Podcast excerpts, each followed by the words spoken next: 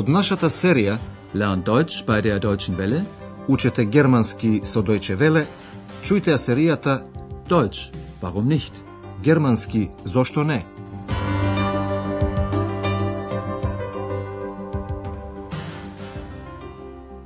Liebe Hörerinnen und Hörer. Драги слушателки и слушатели, денес ќе ја слушнете 13-тата лекција од серијата 4. Во минатата емисија слушнавте нешто за животот на пиратот Клаус Штетебека. Слушнете сега уште еднаш како во водата на Мекленбург ги повикал пиратите на војна против Данска. Шанса која пиратите со задоволство ја искористиле. Внимавајте при тоа на формата за конјунктив 2 и на модалниот глагол золен. Die Mecklenburger wollen, dass alle gegen Dänemark kämpfen. Auch wir, die Seeräuber. Diese Chance sollten wir nutzen. Насловот на денешната емисија гласи Веслачки клуб, ein Ruderverein. Андреас и фрау Берга одат на излет на едно од многобројните езера во Мекленбург-Форпоман.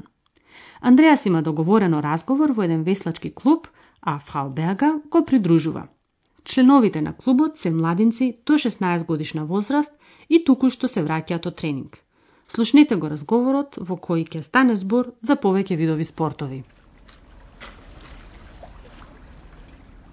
Sehen Sie, jetzt kommen Sie zurück. Ach, ich würde auch noch mal gern rudern. Sie? Rudern? Ja, früher war ich in einem Ruderverein. Das war sehr schön. Ach, ich wusste ja gar nicht, dass Sie so sportlich sind. Wir rudern übern See, übern See, wir rudern übern See. Ihr kommt gerade vom Training? Ja, Wie oft trainiert ihr pro Woche? zwei bis dreimal. Treibt ihr auch noch anderen Sport? Aber klar, wir laufen, spielen Volleyball und Handball. Auch sonst machen wir viel zusammen. Wir machen Wanderungen, gehen ins Schwimmbad oder wir sitzen einfach gemütlich zusammen. Wir sind eben ein richtiger Verein. Кога фрау Берга ги здогледува младинците како се враќаат во нивната колиба на бродот, таа вели – Ах, и јас би сакала повторно да веслам. Ach, ich würde auch noch mal gern rudern. Андреас е многу зачуден од незината желба. Sie? Rudern? Фрау Берга раскажува дека порано и таа била член на веслачки клуб Ruderverein. Ja, früher war ich in einem Ruderverein. Андреас се шегува. Јас воопшто не знаев дека сте спортски тип. Ach, ich wusste ja gar nicht, dass Sie so sportlich sind. Фрау Берга на тоа одговара само со една песна. Во меѓувреме, младинците пристигнаа со нивното кајче. Андреас им се обраќа.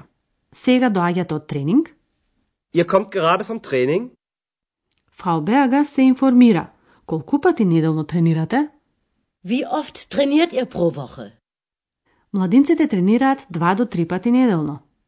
Zwei bis dreimal. Андреас сака да знае дали покрај веслањето тренираат и друг вид спорт – шпорт. Treibt ihr auch noch anderen Sport? Девојчето ги кажува другите спортови што ги тренираат. Трчаме, играме одбојка и ракомет. Wir laufen, spielen Volleyball und Handball. Членовите на друштвото многу нешта прават заедно. Тие одат на планинарење, вандерунген и на пливање во базен – швимбад. Auch sonst machen wir viel zusammen. Wir machen Wanderungen, gehen ins Schwimmbad. А кога не се занимаваат со некој спорт, тогаш едноставно седат заедно. Oder wir sitzen einfach gemütlich zusammen. Тоа се условите за еден вистински клуб, како што ќе заклучи девојчето. Ние сме вистинско здружение. Wir sind eben ein richtiger Verein. Таквите клубови или здруженија се нешто типично германско. Луѓето со исти интереси создаваат клуб во кој се утврдуваат правата и обврските на секого. Се плаќа одредена сума пари и се е точно организирано. Членовите редовно се среќаваат и како што вели девојчето, таму можат да се чувствуваат како дома. Кај спортските здруженија важно е учеството на надпревари, Wettbewerben. Фрау Берга ја интересира тоа и дознава дека и во спортот нешто се изменило по обединувањето. Слушнете сега што се изменило. Nehmt ihr auch an Wettbewerben teil? Das würden wir gern öfter machen. Aber das kostet viel Geld. In der DDR war das ja alles vom Staat organisiert. Und wie ist es jetzt? Jetzt müssen wir fast alles selbst bezahlen. Strom, das Bootshaus, neue Boote und auch die Wettbewerbe. Und wie macht ihr das? Wir bezahlen einen Beitrag. Einen Mitgliedsbeitrag? Ja. Und unsere Eltern geben uns Geld. Ohne sie würde das nicht funktionieren. Dieses Jahr konnten wir nur an einem Wettbewerb teilnehmen. Aber wir waren super. Und darauf sind wir stolz. Додека порано во Германската демократска република спортот бил финансиран од државата, Сдруженијата денес, по обединувањето, делумно сами ги носат трошоците. Слушнете го разговорот уште еднаш поточно. Фрау Берга прашува, дали учествувате на надпревари? Nehmt ihr auch an Wettbewerben teil? Девојчето ја искажува желбата за почесто учествување на надпревари. Тоа би сакале многу почесто да го правиме. Das würden wir gern öfter machen. Но на клубот за тоа му се потребни пари. Aber das kostet viel Geld. Во времето на Германската демократска република, значи до 1990 година, државата многу го поддржуваше спортот. Имаше многу елитни училишта. Девојчето вели, во ДДР сето тоа го организираше државата. In der DDR war das ja alles vom Staat organisiert. Од тогаш голем дел од трошоците клубовите треба сами да ги носат. Jetzt müssen wir fast alles selbst bezahlen. Во тие трошоци се вбројуваат одржувањето на колибата, на кајчето, електричната енергија, купувањето нови кајчиња и се разбира трошоците за патот и сместувањето за време на надпреварите. Девојчето објаснува. Електричната енергија, колибата, новите кајчиња и надпреварите. Strom, das Bootshaus, neue Boote und auch die Wettbewerbe. За да се финансираат, членовите на Сдруженијето плаќаат месечно одредена сума пари, даваат свој придонес. Beitrag. Wir bezahlen einen Beitrag. Андреас прецизира. Чланарина. Einen Mitgliedsbeitrag? Но членарината не е доволна. Без парите од родителите, ова здружение не би можело да функционира. Функциониран. Und unsere Eltern geben uns Geld. Ohne sie würde das nicht funktionieren. Од таа причина годинава младинците може да учествуваат само на еден надпревар. Dieses Jahr konnten wir nur an einem Wettbewerb teilnehmen. Таму тие покажа добар успех и затоа се многу горди. Штолц. Aber wir waren super. Und darauf sind wir stolz. Сега ќе ви објасниме една форма на конјунктив 2 кај глаголите.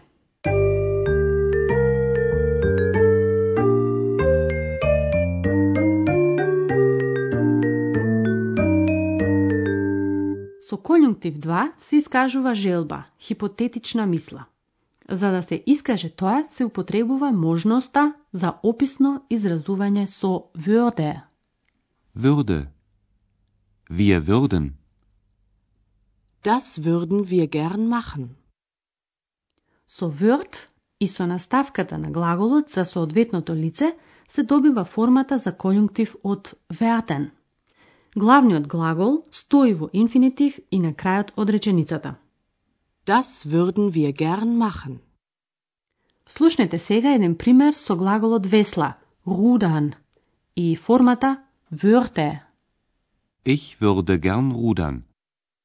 На крајот, уште еден пример со глаголот функционира, funktionieren, и формата würde. Ohne sie würde das nicht funktionieren.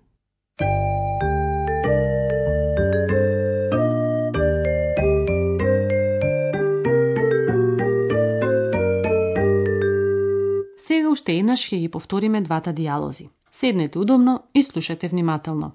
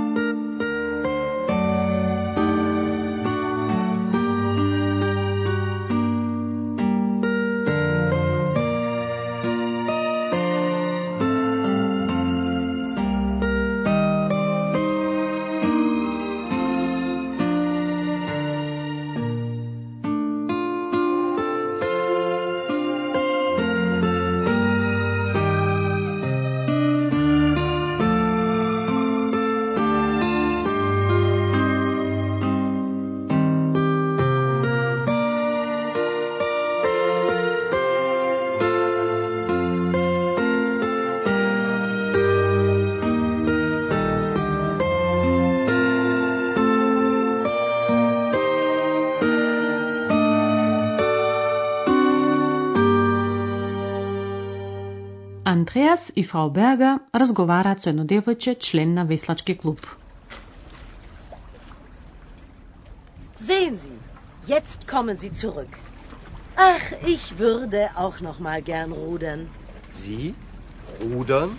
Ja, früher war ich in einem Ruderverein. Das war sehr schön. Ach, ich wusste ja gar nicht, dass Sie so sportlich sind. Wir rudern übern See, übern See, wir rudern übern See. Ihr kommt gerade vom Training? Ja, Wie oft trainiert ihr pro Woche? zwei bis dreimal. Treibt ihr auch noch anderen Sport? Aber klar, wir laufen, spielen Volleyball und Handball. Auch sonst machen wir viel zusammen.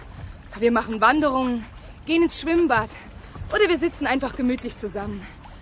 Wir sind eben ein richtiger Verein. По обединувањето на Германија, условите за спортување се изменија. Nehmt ihr auch an Wettbewerben teil? Das würden wir gern öfter machen. Aber das kostet viel Geld. In der DDR war das ja alles vom Staat organisiert. Und wie ist es jetzt? Jetzt müssen wir fast alles selbst bezahlen. Strom, das Bootshaus, neue Boote und auch die Wettbewerbe. Und wie macht ihr das? Wir bezahlen einen Beitrag. Einen Mitgliedsbeitrag? Ja. Und unsere Eltern geben uns Geld. Ohne sie würde das nicht funktionieren. Dieses Jahr konnten wir nur an einem Wettbewerb teilnehmen. Aber wir waren super. Und darauf sind wir stolz. Тоа беше се за денеска. Во следната емисија Андреас ќе разгледува една населба во Росток. А до тогаш до слушање. Тоа беше германски Зошто не? Радиоговорен курс на Херат Мезе во продукција на Дојче Веле и на Гетовиот институт од Минхен.